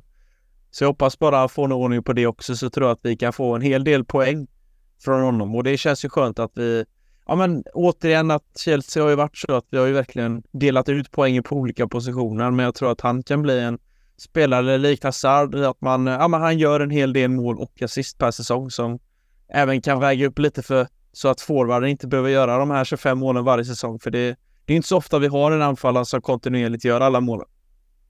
Jag satt och kollade på eh, Sky Sports sändning då av Monday Night Football och då var det vår kära Frank Lampard som var gäst denna gången som var med Jamie Carragher då som fick agera fotbollsexperter och de, när de väl pratade om Modric så eh, eh snabbt i halvlek då efter att de visat målet. Eh, som parentes då förresten, jättefin passning av Levi Colwill eh, och lite oväntat att han hade det i sig.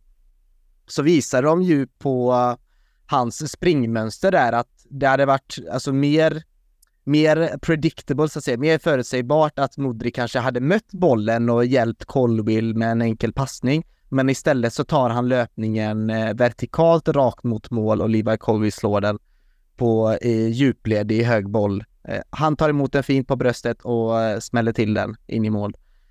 Och det menar han på att det är det som de absoluta bästa wingersarna i, i världen gör idag. Och då tänkte han på då liksom Mo Salah, eh, Sadio Mané och så vidare och sån. Att det är liksom inte alltid att man bör eh, söka sig eh, ut mot kanterna, men att de ska agera lite som second strikers eh, eh, Viktor. Alltså det blir ju lite mer, det är lite mer den som är den moderna wingen idag. Ja, det, det är ju en annan roll än vad det har varit eh, kanske då för 25 Eh, 30 år sedan när det var alltid en vänsterfotad i regel på vänsterkanten och en högerfotad ytter på, på högerkanten och kanske då Eh, mycket mer ofta två forwards inne i boxen att, att uh, sikta på. Eh, men det, det, ser vi att frånsett Kane och nu senast Haaland så har det ju varit många Eh, yttrar eller ytterhybrider eller släpande forwards som har vunnit eh, skytteligorna eh, här så att, eh, med, med Salah i spetsen då. Så att visst, det, det är en annan roll som finns att fylla. Sen det, det gäller väl för egentligen alla diskussioner vi har här och, och de hyllningskörer vi, vi, vi lyfter fram att Fulham eh, bjöd ju inte upp till särskilt mycket kamp, tycker jag inte, under eh, den här matchen. Och eh, Mudrik ser ju en, en yta mellan mittbackarna och drar ju nytta av den. Alltså det, det kommer ett tidigt inlägg från, från Colwell som är perfekt avvägt eh, i en båge vid Diop. Men det, det avståndet, den luckan mellan eh, mittförsvararna ska ju inte finnas där egentligen i, i, med fulla ögonsätt. Nej, det är ju viktigt att poängtera att Fulham inte imponerade alls heller, så nu fick vi kanske lite tydligare bild om vart vi har dem någonstans i, i Premier League. Fulham. Lite ett hopkok av lag där Marco Silva har mycket att jobba med. Men eh, för att stanna lite vid Modric ändå, eh, Fredrik, jag kan ju vända mig till dig. Alltså, han har ju beskrivits som en väldigt så här, speciell, ja, men en speciell person och det får man ju ändå känslan av. Han är inte riktigt som alla andra, eh, utan han är väldigt inne i, si, i sig själv, verkar det som, och eh, tänker verkligen mycket på sin egna liksom, historia han ska skriva. Eh, tror du liksom att Pochettino vilket Martin Åslund inte trodde, vilket är lite konstigt. Men tror du att Pochettino skulle kunna vara en sån tränare som får ut det mesta utav ja, med sådana här typer av spelare som är lite speciella, som är kanske lite mer introverta och framförallt unga då? Det, det tror jag verkligen. Eh, jag tror att, att han är en sån spelare som behöver eh, liksom mycket kärlek och bekräftelse från sin tränare och där tror jag att eh, Pochettino har eh, rätt fingertoppskänsla för att ta fram det. Och om man tittar rent speltekniskt så kan man ju bara se vad han gjorde med eh, Jominsson i Tottenham. Och man hoppas ju att, att vi kan se samma förädling av, av Modric. Men jag, jag, tror som sagt att, att uh, Modric är en, är en sån person som eh, uh, känner, känner sig älskad av av sin tränare och där har ju uh, Pochettino gjort lite insatser. Uh, det var ju rätt intressant att uh, förra veckan här så nämnde han att han har haft en uh, crossbar challenge med uh, Modric just. Så jag tror att han försöker kultivera någon slags eh, relation där och det det tror jag är extremt viktigt för hans eh, utveckling. Men vad gäller Modric så tror jag också att eh, man får komma ihåg att han är ung och att han måste mogna som person ganska mycket. Eh, han är väldigt aktiv på sociala medier och det är inte alltid till hans fördel. Eh, det var ju några månader sedan som han, eh, han eh, postade lite, lite olämpliga eh, bilder på, på, en, på en man på gymmet.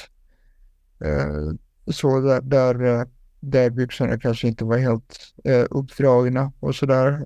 Men det är lite spretigt men, men jag tror absolut att eh, Pochettino är rätt man att nå eh, Modric. Mm. Jo, det tror jag också och förhoppningsvis så var det här bara en lättkänning och jag tror att eh, Pochettino ändå bekräftade att han eh, ser ut att vara spelklar eh, när vi möter Burnley till helgen och att det inte ska varit någon alltför eh, seriös skada. Det ja. kan vi nämna också att eh, eh, det såg ju ut som att vi skulle få rejält eh, manfall i den här matchen också, men det har ju framkommit eh, lite uppgifter idag om att eh, varken Broja, Modric eller Caicedo eh, verkar missa nästa match och det är ju någonting som vi absolut får vara glada över med tanke på den långa skadelista som vi fortfarande har. Ja, och eh, en annan grej är ju att eh, jag blev chockad att inte Eh, Vinicius fick eh, rött kort efter den där karate han ändå gav eh, Thiago Silva Eh, lite kul sen, eh, på tal om sociala medier, det Thiago Silva lägger upp en bild idag på Instagram att eh, är det här UFC vi håller på med? Haha, eh, jag mår bra, liksom allt är okej okay med mig. Eh, liksom. Eh, men att inte VAR går in där Linus och kollar eh, och liksom, det gör de ju, men att de inte liksom tycker att det här är liksom våldsamt, för hade man gjort det här liksom hade jag kommit hem till dig och gjort det på dig, du, du hade ju kunnat anmäla mig för övergrepp liksom. Ja, ja, ja det hade jag kunnat göra. Ja, nej, nej, men alltså överlag så tycker jag att eh, det är ju hela säsongen har varit dålig nivå på vardomarna. Men jag menar, vart ska gränsen gå? Vad, vad ska man få kunna göra med? Det är ju ändå eh, knuten näve tycker jag nästan och ett slag upp mot trynet på Silva så jag tycker det är, för mig, i mina ögon var det klart rött kort och ett jädra hjärnsläpp bara. Man klarar ju sig. Och det är många sådana tveksamma valsituationer som gör att vi har ännu svårare att definiera vad VAR ska göra och vad, vad regelboken står för. För den har jag Ja, jag har tappat bort mig i introsidorna om man säger så. Men jag, jag förstår mig inte riktigt på vart, eh, vart man sätter gränser längre. För det känns som att domarna inte vet det heller. Det här är inte Chelsea-relaterat, men Jamie Carragher sa ju då inför matchen att där de pratar om den här eh, situationen med, som var i eh, på London Stadium då mellan Tottenham och Liverpool där Luis Diaz eh, blåstes av för offside och eh, inte målet godkändes även fast han var tydligt, tydligt onside. Eh, PGMOL då som är domarförbundet i England har eh, eh, erkänt att det är human error, alltså ett misstag och att ah, man ber om ursäkt mer eller mindre. Men liksom man kommer inte så långt med sådana där posts och sådana här ursäkter liksom. Det är ju det här är viktigt ändå liksom och fotboll på den här nivån eh, kräver ju någonstans perfektion och då hade han då en eh, diskussion. Varför, om vi nu har de bästa tränarna i världen och vi har de bästa spelarna i världen från eh, alla delar av världen, varför kan vi inte ha de bästa trä- eh, domarna också? Och där vill jag bara, så jag vet att det här inte är Chelsea-relaterat, men jag vill ändå höra era åsikter kring det. Tycker ni att Premier League eh, borde kolla kanske på att ta in, eh, eller eh, alltså skulle ni tycka att det är fine, liksom med att ta in domare från andra länder att döma i, eh, i Premier League? Linus, vi kan ju börja med dig. Det förstör charmen lite. Alltså jag tycker ändå... Men alltså ska det vara bara vara i Premier League då eller ska domarna skeppas lite överallt från hela världen? Jag vet inte. Alltså, för, alltså det är ju sen VAR har kommit in har det ju blivit ännu mer diskussioner och domarna har känts som att de, ja, de förlitar sig helt på det rummet såklart och där eh, innan så var det ju beslutet som togs, det står ju och ja, liksom förr så var det ju Howard Webb, alltså det var ju en grym domare jag alltid gillade och Sen fanns det mindre bra domar, men det, det, har alltid varit lite blandad kvalitet tycker jag. Men eh, nu det senaste har det eskalerat. Alltså, det finns många domare som jag tycker inte borde få döma mer i Premier League heller för att det är så jädra mycket fel som görs. Jag menar, man, man, man stänger av VAR-domare efter VAR-domare. Men jag menar, vad, alltså, vad, vad, ska man göra åt det? Om man går ut och säger förlåt, alltså vart ska gränsen gå? De måste ju på något sätt sätta sig ner och omvärdera situationen för det är inte hållbart att fortsätta så här. Vi, det blir tröttsamt och till slut kommer nog folk eh, ja, men ledsna på det. Och, eh, för jag tycker att det avgör så jädra mycket äh, stora matcher. Kolla liksom Tottenham-Liverpool. Pangmatch, jätteviktig betydelse redan nu i starten av ligan.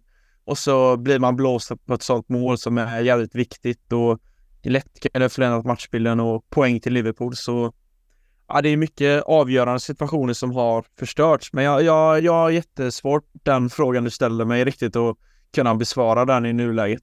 Egentligen så känner jag som inte, förlåt Patrik, alltså, egentligen känner jag som inte så starkt för vart domarna kommer ifrån. Men eh, nu när jag sitter och funderar på frågeställningen så känns det ganska mycket Super League över att man ska plocka in domare mm. utifrån.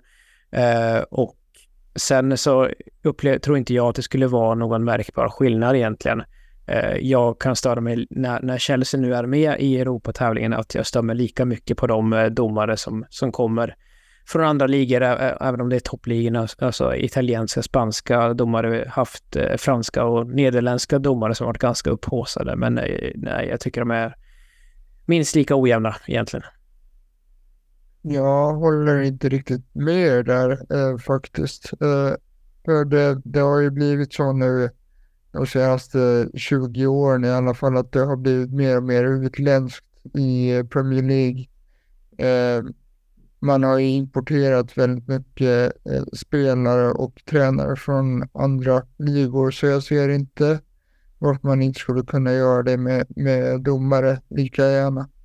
Eh, fotbollen blir mer global och ja, det är inte superengelskt i Premier League längre. Så jag, jag tycker att det är ganska oproblematiskt egentligen. Eh, nu är det också så att eh, eh, standarden på de engelska domarna är ju eh, chockerande låg och sådana misstag som gjordes eh, i den matchen som vi pratat om, det, det får ju helt enkelt inte ske. Och sen kan man ju diskutera huruvida standarden eh, på domare i andra ligor är högre, men jag, jag ser i alla fall inga direkta problem med att man skulle eh, värva domare från andra ligor också. Jag är nog beredd på att liksom kunna leka med båda tankarna här och alltså om jag håller mig till att bara hålla mig till engelska domare här så det, det, skulle man kunna göra och inte ur ett så nationalistiskt perspektiv att ja, det är klart att England ska, eller Premier League ska ha engelska domare. Det är absolut inte det jag bryr mig om, utan det är nog för att eh, man måste ge dem en chans att bli bättre också. Och visst, det kanske man kan bli av eh, eh, konkurrens. Eh, det kan man ju bli. Men man måste ju höja nivån överlag, tror jag, i, i England. Nu vet jag inte, det är kanske bara du Linus som följer Championship lite mer här utav oss eh, eh, jag vet inte hur nivån är där. Ehm, men framförallt tycker jag sedan VAR generellt, nu har man ju ändå följt fotboll här i 20 år ungefär. Alltså det känns som att sen VAR kom så har domarna blivit latare. Man har ju liksom, man vågar inte ta beslut lika mycket, man, man gömmer sig bakom den här VAR eh, eh kontoret som ligger någonstans i det landet man, man, eh, man dömer i. Ehm, och man är framförallt mer okonsekvent i sitt dömande. Det finns inte, oftast när man hade en domare för eh, så Colina eller man hade den här, eh, Ja, de har fan glömt namnet på den här tysken, men även han, finns en till spanjor, nu kan inte namnet på domarna här nu on top of mind, men man vet ju typ ungefär vilken typ av match man kommer få redan. Ja men den här eh, domaren delar ut eh, så här många gula kort, han gillar att ha det här tempot och han sätter oftast gränsen här. Just nu känns det som att det är huller om buller. Det finns liksom inte något konsekvent eh, domar eh, ja, men sett filosofi längre, utan det är mycket mer VAR som sätter den eh, kulturen eller den identiteten på en match. Ehm, det kan jag sakna lite. Att man, eh, därför tycker jag att det ger sämre prestationer på plan. Och då ska vi inte ens snacka om de assisterade domarna som är ett perfekt exempel nu i Liverpool-matchen. Där, alltså du vet, varför vinka ens? Alltså, har inte de blivit instruerade om att inte vinka om man är osäker? Eh, jag, jag, tyckte att domarna var skarpare för dem. De var mer eh, auktoritära. Eh, jag tycker att VAR har, eh, det är det VAR har förstört eh, för mig. Eh, Linus, eh, kan du förstå mitt resonemang där? Jo, men jag, jag, jag är med dig och hur du tänker. Och jag tycker också VAR har gjort att man, eh, ja men domarna känner mer att, visst de, har, de känner också att de har en trygghet, men att den tryggheten kan bli lite väl överdriven och att det blir för mycket lutning på det, att man, äh, ja men man tar det beslutet som såklart som sägs i videorummet för de har äh, skärmar, men jag tror även att fokuseringen blir sämre tack vare VAR av domarna. Att de kanske inte riktigt lika fokuserade i matchen för att de vet att ah, men jag kan rätta till det här på något sätt om jag missar. Alltså det här fokuset, det finns inte tycker inte jag riktigt. För innan var det. Då hade de ju bara en chans. fanns mm. inga videokameror eller någonting. Då skulle det vara nu. Alltså kommer det en offside, ja då var det att vinka. Men det är lite det som jag tycker också är skönt alltså idag att ja, men släpper de en situation så kan det ju vara att, ja, men att ett lag får ett mål med sig eller blir det bortdömt Visst, jag köper också hur det har blivit tack vare VAR med de positiva delarna, men du, som du säger att ja, fokuset det, det försvinner lite grann, känns det som, från domarna tack mm. vare man, att man har all den här teknologin som ja, men som hjälper dig, alltså i alla lägen egentligen. Alltså, så att eh, ja, det är svårt. Det VAR har inte riktigt någon förstått sig på helt och hållet. Jag tror inte vi kommer göra det inom de närmsta åren heller och värva domare hit och dit. Alltså jag, då kommer ju Premier League ha de bästa domarna i världen, hur man ska tolka det eh, ur i, i dagsläget med VAR. Alltså det, som du säger innan, förr i tiden visste man ju lite alltså vilken domare som du säger dömer matcherna, vilken personlighet det blir på matcherna. Men idag blir det lite mer att de har tappat det där Ja, domarna. Det, det, de har inte den karaktären som de hade innan.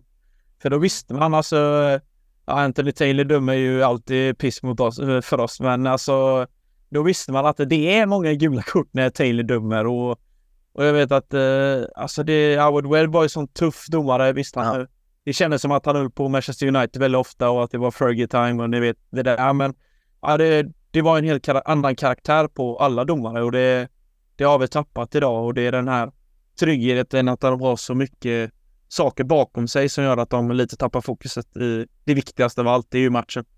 Ja. Ja, och sen tycker jag inte att FA liksom behandlar det rätt eller att man inte ens får kritisera dem i efterhand, liksom tränarna eller spelarna, för då åker de på böter.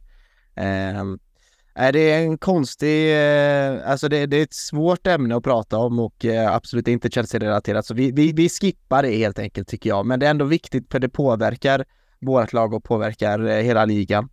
Eh, gör det ju. Eh, men grabbar, för att avsluta då, har ni några vi kan, vi kan börja summera den här eh, fulla matchen. Har ni några avslutande tankar eh, kring den då? Eh, Eh, Viktor, du sa att Fulham var ju inte, de bjöd inte upp till någon dans. Eh, ska vi inte ropa hej än menar du på? Eh, nej, men jag är ju eh, obotlig optimist. Jag kommer, hade jag haft eh, matchrapporten mot Burnley så hade jag tippat på en tredje raka seger i, i, slutet av den artikeln också. Ja. Eh, och nej, men i, i, i mångt och mycket är det Chelsea som gör Fulham dåliga också. Eh, även om eh, liksom, eh, Chelsea aldrig kändes riktigt hotade eh, just denna afton. Men eh, nu är vi lite grann tillbaka till det här vi hade inför premiäromgången eh, med, med Chukwuemeka på väg tillbaka, Sterling, eh, Petar och Palmer. Att det börjar bli lite det här eh, eh, de här roliga problemen som eh, Pochettino får snarare än att vem ska spela? Vi har ingen som är hel, utan nu börjar det bli lite angenäma problem just vad gäller trupputtagning. Så att det är väl någonting att eh, vi har en, en elva som såg riktigt fin ut med att det, det finns eh, namn som knackar på dörren och, och ska in. Jag tycker ändå att vi måste vara ärliga och säga att vi tappade ju kontrollen på matchen i andra halvlek och Fulham spelar sig upp en del och, och spelar rakare och mer direkt. Men eh, med det sagt så var jag ändå aldrig orolig utöver den här eh, situationen där eh, Sanchez gör en, en fenomenal räddning. Ehm, så det oroar mig lite att, att, vi, eh, att vi tappade fokus i andra halvleken och jag tror att hade, hade vi mött ett lag med större kvaliteter så hade vi kunnat straffas av det. Nu gjorde vi inte det och man kan ju i någon mån säga att de här två snabba målen avgjorde matchen. Men eh, jag tror ju personligen att vi har en lång väg att vandra fortfarande. Jag menar, vi har vunnit tre av våra senaste 19 matcher och nu har eh, det här motståndet var inte det bästa utan eh, vi kommer ställas på mycket svårare prov framöver och därför så är det viktigt att vi eh, ser till att upprepa den här prestationen mot eh, Burnley så att vi kommer in i den här kommande tuffa perioden med lite momentum. Så det, det var det jag ville ha sagt eh, som Mm. avslutade tankar gällande just den här matchen. Mm, jag kände väl inte kanske direkt att vi tappade kontrollen i andra halvlek. Jag, jag väljer att tolka det mer som det var ren game management och att mittfältet ändå hade koll. Det var ju nära reducering där som vi pratade om, men det hände aldrig och eh, jag gillade det här att man bara såg, eh, såg ut matchen helt enkelt. Eh, jag var, kände mig aldrig orolig direkt. Eh, men ja, Burnley, Linus, vi, ska vi ändå blicka framåt lite mot den matchen. Eh, det är ju ändå liksom, alltså en nykomling som, jag vet inte om de var upphypade när de kom tillbaka nu med kompani och liksom lilla mini-city som kommer nu då. Där Burnley har tagit mycket inspiration ifrån City och, och framförallt kompani då från Pep Guardiola. Men ja, sju spelade matcher, fem förluster, två lika, inga vinster än så länge. De eh, vill ju också gå in i landslagsuppehållet med i alla fall en vinst innan, eh, innan de tar lite vila. Eh, och den matchen är mot oss då på Turf Moor. Den, eh, det kan bli tufft. Ja, det, men det är som du säger att eh, det är inte det här gamla Sean Dice-fotbollen vi kommer se med Ashley Barnes och de här härliga gubbarna som stångade in poängen för Burnley. Det är ett spelande lag som eh, Company har skapat och som gjorde en jävligt fin säsong i Championship förra året och det var ju liksom inget snack om vilka som skulle vinna den serien. Men eh, de fick ju en tidig smäll i första gången mot City och man såg ju redan där att ja, men det, det är ett spelande lag men eh, de kommer straffas mycket av just det här våghalsiga spelet de vill framföra. Men jag tycker att kompani har en tydlig spelidé och de kommer Eh, med tid som och att de kommer komma in i serien så jag tror att de kommer plocka sina poäng. Men eh, just nu är de fortfarande i en jävligt hackig period av säsongen och har inte riktigt fått fäste eh, i varken laget eller i liksom spelidén som de vill och man vet att de kan lira. Så jag tror att det blir liksom en match mellan två lag som vill sätta sin spelfilosofi ännu tydligare än vad de har gjort. Och ja, men den matchen vi kommer ifrån så tycker jag att vi äntligen börjar se lite i hur vi vill tänka och hur vi vill pressa och hur vi vill lira som lag under Pochettino. Och jag tror att där är vi faktiskt något snäpp längre kommit än vad Burnley har gjort och vi får se om de hittar rätt mot oss. Det hoppas jag inte, men eh, ja, det kan bli en eh, ganska svängig match på Turf Moor tror jag. Och jag passar på att nämna också att Burnley spelar sin sjunde ligamatch eh, medan vi spelar in det här eh, avsnittet och har 0-0 mot Luton än så länge. Men eh, jag, jag delar ju också Linus bild av att det är ju ingen traditionell nykomling i, i det avseendet som, som eh, company manöver, utan de har ju väldigt höga ambitioner med sitt spel. Eh, alltså eh, att de, de snittar ungefär 500-600 passningar per match, det, det, är ju ganska många lag på övre halvan som, som brukar göra. Eh, jämför med just Luton som de möter ikväll så är det närmare 2, 3, 400 passningar kanske, så de kommer upp i, i respektive match. Så att eh, det, det är, måste jag säga, eh, berömvärt ambitionen de har och, och har den näst yngsta snittåldern på sina startelvor efter oss då i, i Chelsea. Så att det, det, det, är en jättetuff start på säsongen och de kan mycket väl vara ett av de lag som åker ur i, i vår. Men just med, med tanke på hur eh, truppen har byggts, de är så många unga spelare och med vilken filosofi de har, så tror jag just för, för kompanis del att han kan nog bli kvar ändå. Att eh, det, det kanske kräver ytterligare en nedflyttning och uppflyttning då innan de faktiskt är eh, kompetenta liksom på, på PL-nivå. Men eh, jag, jag, tror att det finns ett långsiktigt tänk där i alla fall som gör att det, det inte behöver vara domedagen ifall de nu skulle åka ur eh, när säsongen är slut. Mm. Ja, de har ju inte imponerat sen. Sen har det varit några matcher som där de kanske borde ha vunnit då som matchen kanske mot Nottingham Forest och eh, ja, de gav väl United en en ganska bra match också eh, där Burnley emellanåt kändes som var bättre än United, men United eh, fick eh, snodde åt sig tre poäng där också eh, på något sätt och ja, öppningsmatchen var ju inte rolig mot, mot City heller med på hemmaplan. Eh, så vem vet, vi, vi får se detta Burnley. Jag tror ändå på Burnley långsiktigt. Förhoppningsvis så kan de överleva denna säsongen och att kompani då eh, får överleva eh, hela säsongen ut då som tränare så att inte de får panik och ger honom kicken. Men det känns som att det är eh, något långvarigt som håller på att byggas där och en vision som eh, kompani har ingjutat i, in i klubben. En ny filosofi som inte Burnley alls har varit Eh, förknippad med. Så ändå spännande att följa och matchen spelas alltså på, på lördag 7 oktober klockan fyra klassisk Premier League-tid eh, och kommer sändas som vanligt i Viaplay-kanaler. Eh, men ja, det var väl eh, det var väl detta avsnittet känner jag. Det finns inte så jättemycket mer att vi, det finns ju massa nyheter kring klubben hela tiden. Vi har ju äntligen fått en sponsor, vi har inte ens pratat om det. Men det är ju faktiskt bekräftat och vi fick se dem tryckta på eh, våra fantastiska blå tröjor i eh, matchen mot Fulham i måndags här. Vad tyckte ni om det? Så det, ser det snyggt ut? Viktor, du har ju varit lite skeptisk till till tröjan. Känns det bättre nu?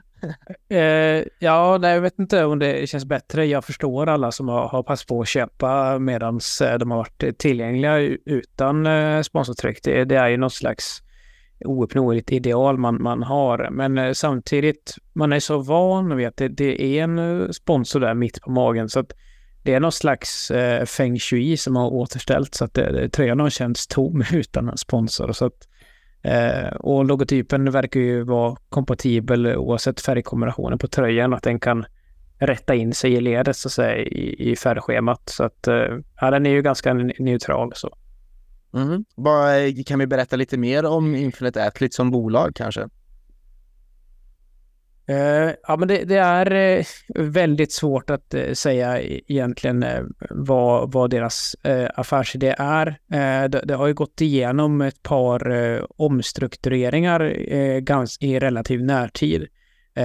klart är att deras omsättning är egentligen mindre än det här årliga ersättningen som Chelsea ska erhålla för, för avtalet. Men, men det är 40, 43 miljoner pund tror jag det är va? Precis, eh, och det är väl ungefär marknadsmässigt och det Chelsea hade eh, med, med tre då tidigare. Eh, ganska precis samma. Men vi kan ju, vi har ju lite att prata om här när landslagsuppehållet kommer, men jag ska kunna bena ut alla detaljer kring just Infinite Athlete och den lilla men ändå ganska stora Lone Army som vi besitter.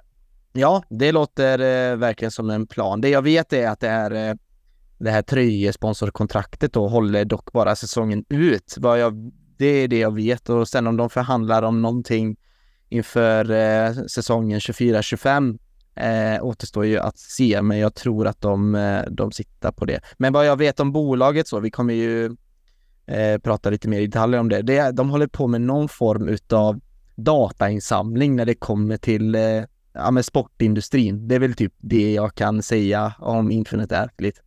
Eh, om inte annat så, eh, så tilltalas ju vi ändå Linus av eh, snygga loggor och jag tycker detta var en ganska snygg logga ändå. Det är kul med en logga och eh, en sponsor som man aldrig har sett förut heller. Jo, men det, det är kul med något nytt också. Alltså, tre var ju inget vackert på trean tyckte inte jag. Man, eh, visst, man vänjer sig med tiden, men eh, det här tycker jag ändå, ja, men det är ändå ganska snyggt och jag tror att vi kommer här eh, med tiden också. Eh, få med oss det som en, ja, en hyfsat snygg eh, sponsor på tröjan tycker jag ändå. Alltså det, det, är inte det värsta, det är inte det bästa, så det är någon slags mellanmjölk det. Nej, ja, om inte annat så är det något symboliskt med att vi vinner eh, och det ser bra ut så fort de är på tröjan, så förhoppningsvis kan det vara en trend som fortsätter. Eh, men hörni, stort tack för att ni har eh, lyssnat igenom detta avsnittet. Stort tack till min kära panel eh, för att ni är med och gör eh, podden så bra och så himla trevlig att lyssna på.